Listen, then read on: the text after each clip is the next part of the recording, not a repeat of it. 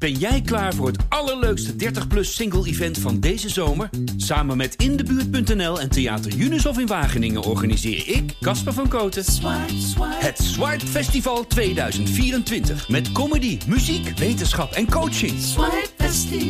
Maar vooral heel veel leuke mensen. Bestel nu je kaart op swipefestival.nl. Swipe, swipe. Dat betekent, als je dat gaat doortrekken, dat je de komende jaren ja, dat bijvoorbeeld een, een havengebied van Rotterdam erg radicaal anders gaat uitzien. Uh, we hebben nu uh, echt een groot aantal uh, olieraffinaderijen in Nederland. Ja, ja, met alle respect voor ook alle mensen die daar hard aan het werk zijn, die bestaan over twintig jaar niet meer. De energiecrisis, de stikstofcrisis, de klimaatcrisis.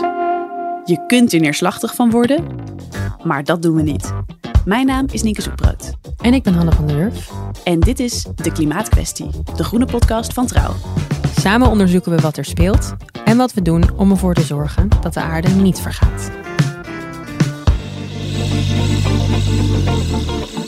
De afgelopen maanden zijn we bij wetenschappers, ondernemers en actievoerders geweest.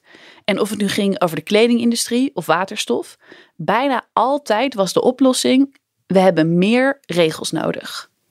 Wat als je de persoon bent die die regels maakt? De afgelopen twee jaar deed Rob Jette dat, als minister voor Klimaat. Zelfs toen het kabinet viel, bleef zijn werk gewoon doorgaan. Eind januari. De verkiezingen zijn geweest en we lopen zijn werkruimte in op het ministerie van Economische Zaken en Klimaat in Den Haag. De omgeving is hier statig. Hing er nou een kroonlichter? Ik dacht van wel. En hoewel die omgeving dus chic is, zegt Rob Jette meteen: zeg maar je. Voelt het ook als twee jaar? Het, het is maar twee jaar Wauw, nee, eigenlijk. nee, nee, het voelt veel langer. Uh, ik zag laatst ook een foto van mezelf terug, een paar weken voor dat ministerschap. Oké, okay. uh, ja, uh, het heeft wel wat ook met je gedaan, zo'n baan, dacht ik toen. Het kwam vooral ook door de um, Oekraïne-oorlog en de energiecrisis, die vrij snel na het aantreden van dit kabinet uitbrak. Ik heb echt in die maanden nou ja, 18 uur per dag gewerkt om uh, alles een beetje in goede banen te leiden. Was dat de eerste keer dat je realiseerde van oeh, minister voor klimaat zijn is misschien lastiger dan ik had gedacht? Nou, ik heb me heel lang vooral minister van energie of van leveringszekerheid uh, gevoeld. En minder van klimaat. Hoe zat dat? Nou, omdat, kijk, als mensen opeens zien dat hun energierekening met 100 euro per maand omhoog gaat, ja, dan kun je nadenken over 2050 en uh, um, abstracte concepten als circulariteit, maar daar hebben dan eigenlijk heel weinig mensen een boodschap aan. Um, ik wil heel graag even terug naar uh, 2017, toen je als jong Kamerlid in de Tweede Kamer kwam. Wat waren jouw dromen toen je in de Kamer kwam op het gebied van klimaat? Toen in 2017 was eigenlijk de belangrijkste droom überhaupt klimaat hoger op de politieke agenda krijgen. Uh, Nederland was toen in alle lijstjes uh, het vieste jongetje van Europa. Uh, maar het leek er totaal niet over te gaan. Uh, er was eigenlijk ook helemaal geen lange termijn plan als het gaat om duurzame energie. Laat staan al die andere thema's waar je met verduurzaming aan de slag moet.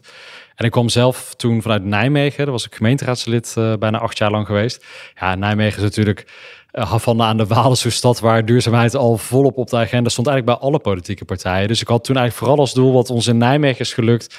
Dat moet nu ook landelijk gaan lukken. Dat niemand meer om het thema duurzaamheid heen kan. En toen mocht je het gaan waarmaken. Wil je me mee terugnemen naar het moment dat je hoorde dat je minister zou worden? Uh, nou, ik was uh, samen met Sigrid Kaag namens D66 betrokken geweest bij de onderhandelingen voor, uh, voor dit kabinet. Dus ik wist natuurlijk dat er inmiddels een, een goed groen regeerakkoord lag. Maar ik was ook met Kaag bezig om die ploeg van D66 samen te stellen. dus ik had eigenlijk niet echt verwacht dat ik er zelf ook in zou komen te zitten. Totdat ze tegen mij zei, ja, je hebt nu zo hard onderhandeld op dat klimaathoofdstuk. Uh, moet jij het dan ook nu maar niet gaan doen zelf? Uh, dus ik was volgens mij de na laatste van de kabinetsploeg uh, die bekend uh, werd. Ehm, maar ik moet zeggen, ik heb er ook niet heel lang over hoeven nadenken. Want ik dacht wel, ja, dit is wel het moment om het ook te gaan doen. en hoe gaaf als je dan zelf er bovenop kan zitten. Maar ik heb ook wel eens vaker gezegd, als Sigrid me voor een andere post dan klimaat en energie had gevraagd, dan had ik zeker weten nee gezegd. Oké, want wat maakte dit verschil? Ja, dat.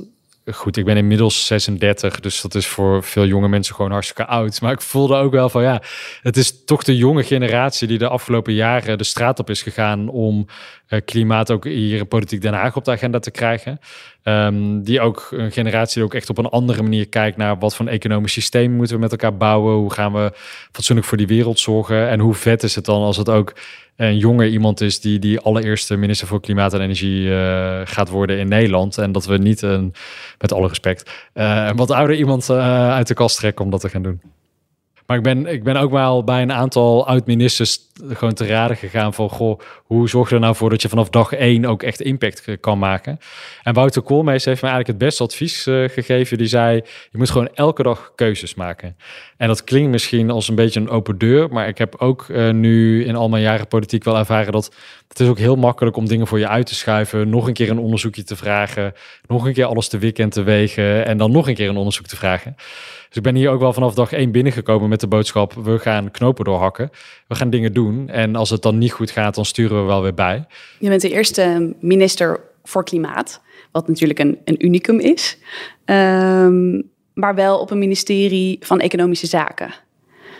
Hoe voelde je je daarover in het begin? Van natuurlijk heel mooi om minister voor klimaat te kunnen worden, maar dan wel op een ministerie van Economische Zaken. Uh, ik, ik vond dat zelf eigenlijk niet zo erg. Uh, ik ben niet de minister van, dus dat betekent dat ik me niet druk hoef te maken over hoe het hele departement uh, functioneert. Vond ik eigenlijk wel lekker, toch dan kan ik me focussen gewoon op de inhoud waarvoor ik ook besteld ben. En uh, je, ik merkte al heel snel dat de klimaatteams en de energieteams ook gewoon heel onafhankelijk werken.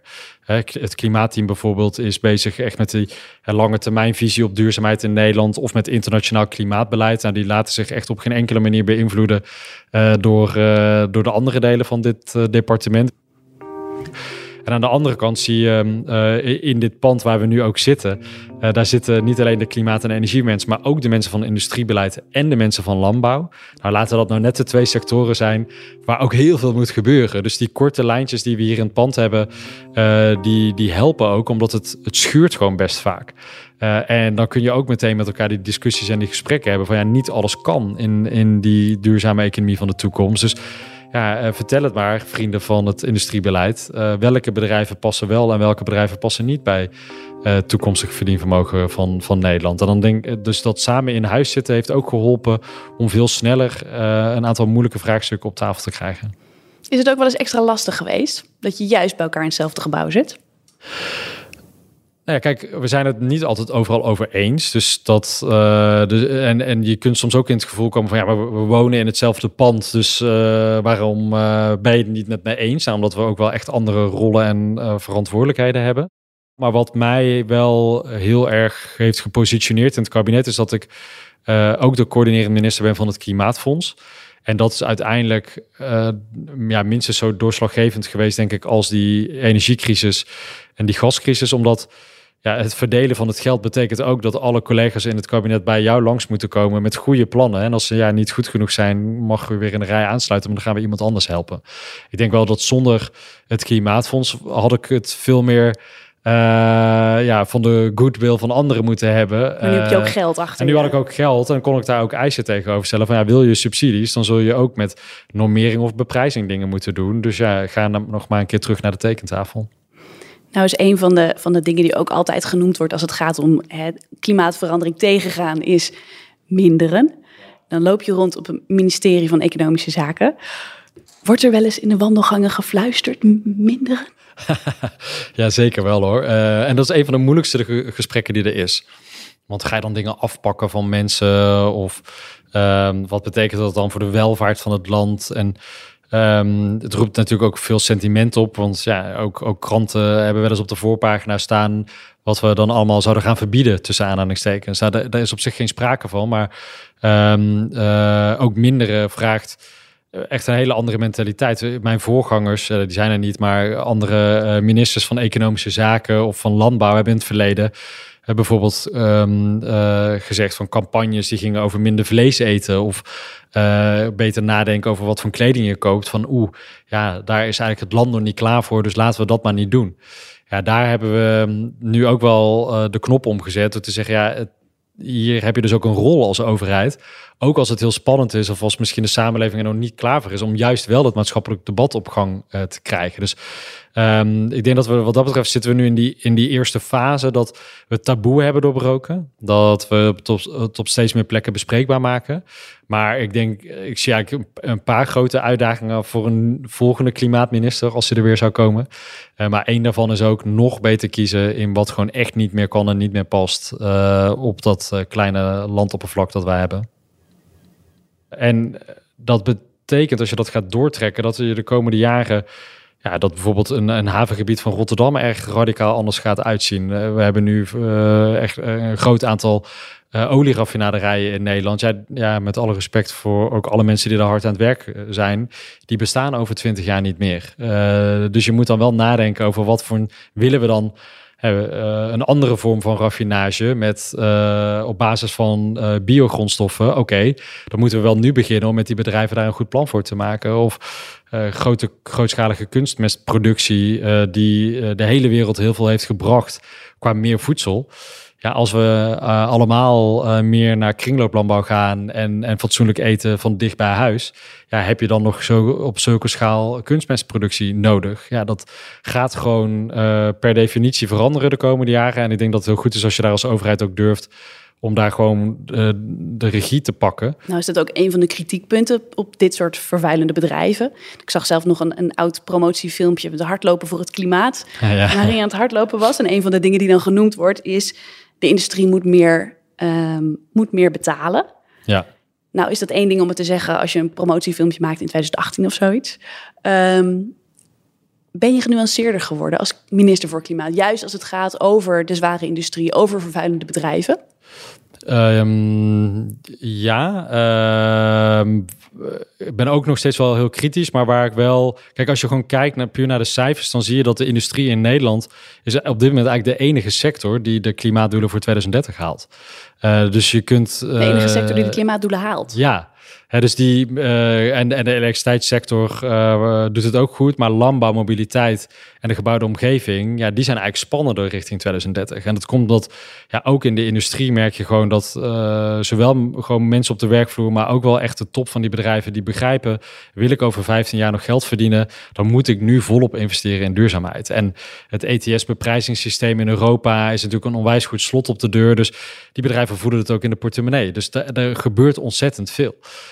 Tegelijkertijd is de zware industrie de grootste CO2-uitstoot. Exact. Dus, dus, daar, dus ik ben in die, in die zin genuanceerder geworden, omdat ik zelf heb gezien uh, die zwaardere beprijzing die we toepassen, die heeft echt effect. Ik merk dat die bedrijven er zelf volop mee bezig zijn. En als het gaat om uh, pure CO2-reductie, dan lopen ze op koers. Maar na 2030, die omslag van hè, uh, halveren in je CO2-uitstoot naar volledig klimaatneutraal en circulair, die is eigenlijk veel ingewikkelder.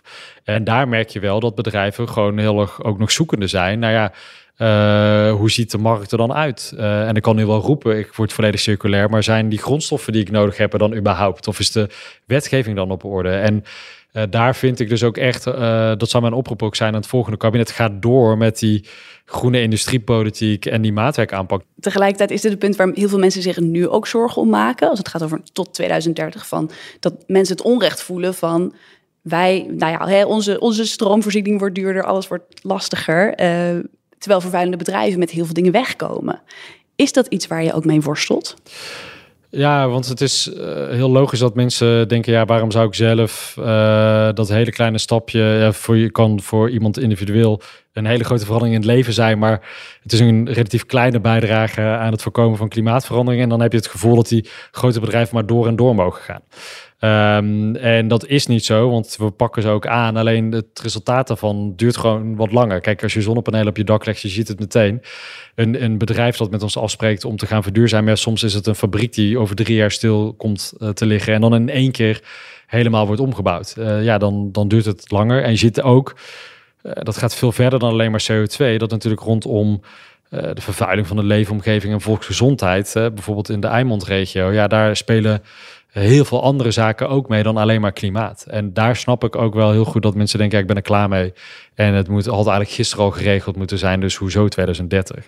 Wil ik even terugkijken naar het, het, uh, het klimaatdebat. Als je vandaag de dag vergelijkt met nou, 2017 toen je in de Kamer kwam, Hoe is in die tijd het klimaatdebat veranderd? Oh ja, echt uh, enorm. Ehm, we hadden in december nog een groot klimaatdebat in de Tweede Kamer. En uh, nou, bijna alle partijen uh, zeiden wel hoe belangrijk het is om de klimaatdoelen te halen. En dat we energie onafhankelijk moeten worden. En dat duurzame energie de beste bron daarvoor is. En nou, dat is dus, als je dat vergelijkt met 2017, toen we er nog uh, het aantal klimaatontkenners uh, en, en partijen die zeiden, nou, het kan allemaal een tandje minder. Of het moet vooral wel allemaal haalbaar zijn. Al die teksten zijn echt wel verdwenen.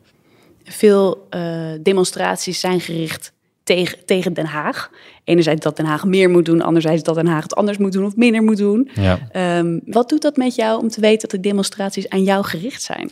Oh ja, ik vind dat niet zo erg hoor. En ik, ik ga ook vaak in gesprek met uh, allerlei actiegroepen en demonstranten. En de afgelopen jaren de hele discussie rondom fossiele subsidies heeft mij ook echt geholpen om niet alleen in Nederland, maar ook internationaal uh, daar meer uh, stappen op uh, te zetten. Hoe heeft dat geholpen?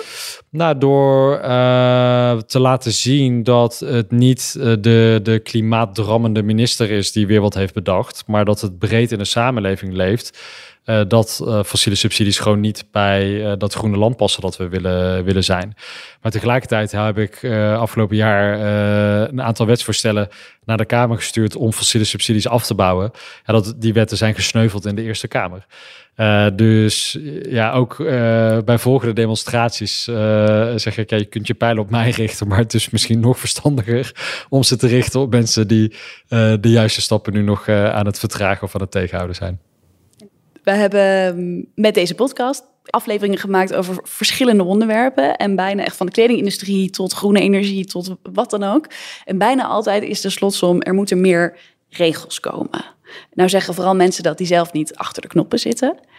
Heb je zelf op een moment het gevoel gehad, oké, nu ben ik de persoon die achter de knoppen zit? Ja, best wel vaak eigenlijk hoor. Ja, dat, um, een, een, van de belangrijkste nieuwe regels uh, is de energiewet die is echt uh, zo uh, dik. Uh, ja, dus voor, de, voor de luisteraar echt een hele stapel boeken dik. Dat is de, de wet die ja, eigenlijk straks alles mogelijk gaat maken als het gaat om, om energiedelen in de wijk. Of om die waterstofeconomie ook echt van de grond te krijgen. Daar, daar is jarenlang aan gewerkt door mensen op dit ministerie. Maar dan, ik moet dan wel mijn handtekening zetten onder die duizenden pagina's. En denk oh ja, oké, dit is wel voor de komende 20, 30 jaar. Zijn dit de wetten en de regels die gaan bepalen hoe we in dit land met energie omgaan. En is tegengaan van klimaatverandering, wat in essentie een systeemverandering is, is dat op te lossen met dit soort regels? Um, nou ja, kijk, uiteindelijk heb je wel wetten en regels nodig om ook het nieuwe systeem in goede banen uh, te leiden. Ik denk wel dat het moeilijk is om. Uh, we weten nog niet helemaal precies hoe dat totale circulaire systeem eruit ziet straks. Uh, dus dat wordt ook wel eh, voor het tweede deel van dit decennium, wordt dat volgens mij de crux. We moesten nu nog uh, zo van, van zoveel kolen naar uh, wind en zon. Echt die eerste tientallen procenten CO2-reductie om überhaupt dat twee of anderhalve graad doel nog enigszins in leven te houden. Dus we zijn nu heel erg bezig geweest met die inhaalslag van duurzame energie en, en CO2-tonnen jacht, zoals uh, mijn Erik Wiebes dat altijd noemde. Um, en nu komen we langzaam in de fase dat we denken van oké, we hebben als Nederland het been voldoende bijgetrokken. Uh, maar nu moeten we dus over het fundamenteel nieuwe systeem gaan nadenken. En ook gaan kijken wat voor regels horen erbij, wat voor fiscale arrangementen, wat voor subsidies. Dus dat wordt weer de volgende fase. Wat is de grens en wat de overheid hierin kan in het tegengaan van klimaatverandering? Kijk, uiteindelijk uh, moet het meeste toch ook gebeuren in, uh, in het bedrijfsleven, in de landbouwsector uh, en in ons consumentengedrag. Hè, wij zijn als overheid, kunnen we daarin, we stellen daarin de regels. We moeten bepalen wat, wat kost vervuiling en hoe stimuleer je het schone alternatief. Um, maar ja, uiteindelijk zijn wij hier met een paar honderd ambtenaren om die wet en regels te maken. Uh, en is het dus ja, de grote buitenwereld eigenlijk die het in de praktijk uh, brengt. Ik bedoel meer van wat, wat, waar, waar zit de grens? Van wat, hoe, wat kun je nog, waar kun je nog invloed over, over hebben? Um, nou ja, dat vind ik eigenlijk een moeilijke vraag. Kijk, het tempo waarin die overheid uh, kan veranderen en bijsturen is ook best traag. En je hebt, wat dat betreft, willen we echt meer vaart maken de komende jaren. Ja, dan zal, zal het ook meer van onderop moeten komen. Ehm, en ja, dat zijn die boardrooms van bedrijven die de juiste keuzes maken in de investeringen die ze gaan doen. Dat is een financiële sector die versneld zijn geld gaat verleggen naar groene investeringen. Dat zijn boeren die besluiten om uh, biologisch of qua over te stappen naar de kringlooplandbouw. Daar, daar, kun je hier in dit ministerie heel veel leuke dingen voor bedenken, maar het moet uiteindelijk ook wel voor een heel groot deel in de samenleving zelf gebeuren. Um veel mensen zijn klimaatmoe, als je dat zo kunt zeggen. Goh, hè, dit mag ik niet, dat mag ik niet. Maakt niet uit wat ik doe. Eh, hmm. Want mijn eigen daden hebben zo weinig invloed op de rest van de wereld. Op wat je zegt, het bedrijfsleven, op de financiële sector. Uh, daar spraken we eerder ook met uh, een van de wetenschappers van het IPCC. Die zei van eigenlijk hebben we de afgelopen decennia nou niet, niet gefaald. Maar de boodschap die wij brengen als we brengen de feiten en dan trekken mensen zelf wel conclusies die werkt niet. Wat we moeten doen is mensen perspectief geven, is mensen hoop bieden. Herken je dat? Ja, het moet, het, het moet veel verhalender. Uh, dus dat gaat uh, bijvoorbeeld om uh, zonnepanelen op je dak en je huis isoleren. bespaart je een paar honderd euro per jaar op je energierekening.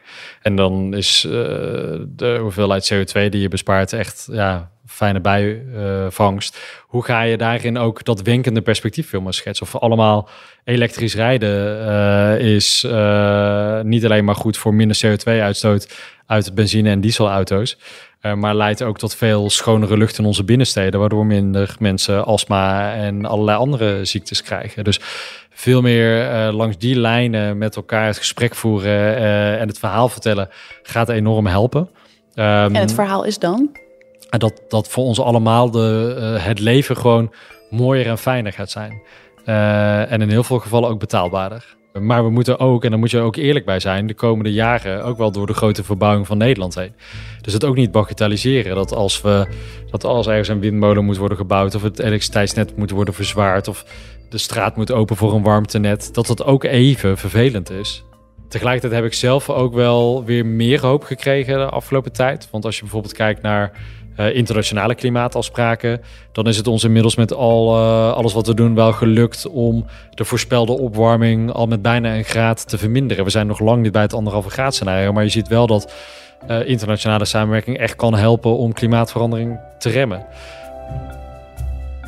Ik zie nog één onderwerp wat echt onderbelicht blijft. En dat is de koppeling tussen klimaat en biodiversiteit. Daar heb ik het ook vaak met minister Van der Wal van Natuur over gehad. Van die twee werelden moeten we echt gaan samenbrengen. Want eh, die klimaatcrisis en biodiversiteitscrisis hangen volledig met elkaar samen. En wil je uiteindelijk naar dat klimaatneutrale circulaire land, ja, dan moet je die twee aan elkaar verbinden. Daar zijn we eigenlijk amper aan toegekomen, omdat we nog zo druk waren met de inhaalslag. Uh, dus dat is ook wel echt iets uh, nou, waar ik in ieder geval vanuit een nieuwe rol in de Kamer aan ga proberen bij te dragen.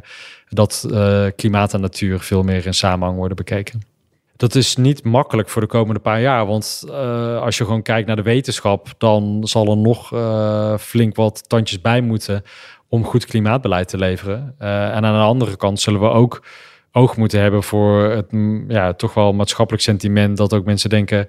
Ehm, ik, ik, ik, sta alleen in, in die klimaatdiscussie en ik heb geen handelingsperspectief. Dus dat wordt echt ook wel balanceren en zoeken naar goede oplossingen die zowel groen als sociaal zijn. Wat zijn dingen waar je op dit moment voor de komende, laten we zeggen, het komende jaar hoop uitput? Waar ik hoop uitput voor het komende jaar is dat eh, ook in Nederland uh, onwijs veel mensen hier elke dag mee bezig zijn. Uh, dus de geest gaat niet meer terug in de fles. Uh, maakt eigenlijk niet zoveel uit, denk ik, welke politieke realiteit er uit deze formatie komt. En er komt misschien wel een regeerakkoord dat zegt het klimaatbeleid moet door de shredder. Uh, maar daar gaan heel veel mensen en ondernemers in Nederland zich niks van aantrekken. Die gaan er gewoon volop mee door, omdat ze erin geloven en omdat ze weten dat het het goede is. En daar uh, put ik dan mijn hoop en energie uit. Dankjewel. Dit was De Klimaatkwestie, de groene podcast van Trouw. Deze aflevering werd gemaakt door mij, Nienke Zoetbrood. En door mij, Hanne van der Wurf. Veel dank aan demissionair minister Rob Jette en Pieter ten Bruggekaten. Dank ook aan Ingrid Wil, Frank Straver en Niels Marcus. De mixage van deze aflevering werd gedaan door George Paul Henneberken. Dit was de laatste aflevering van dit seizoen. Later in het voorjaar zijn we terug. Vond je dit een fijne aflevering? Geef dan in die tussentijd sterren in je podcast-app. Zo help je anderen om deze podcast te vinden. Dag! Toedeledokie.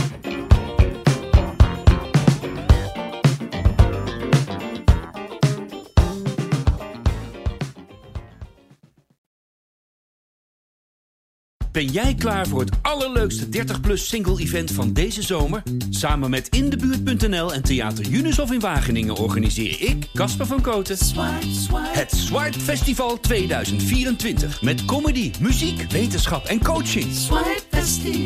Maar vooral heel veel leuke mensen. Bestel nu je kaart op swipefestival.nl. Swipe, swipe.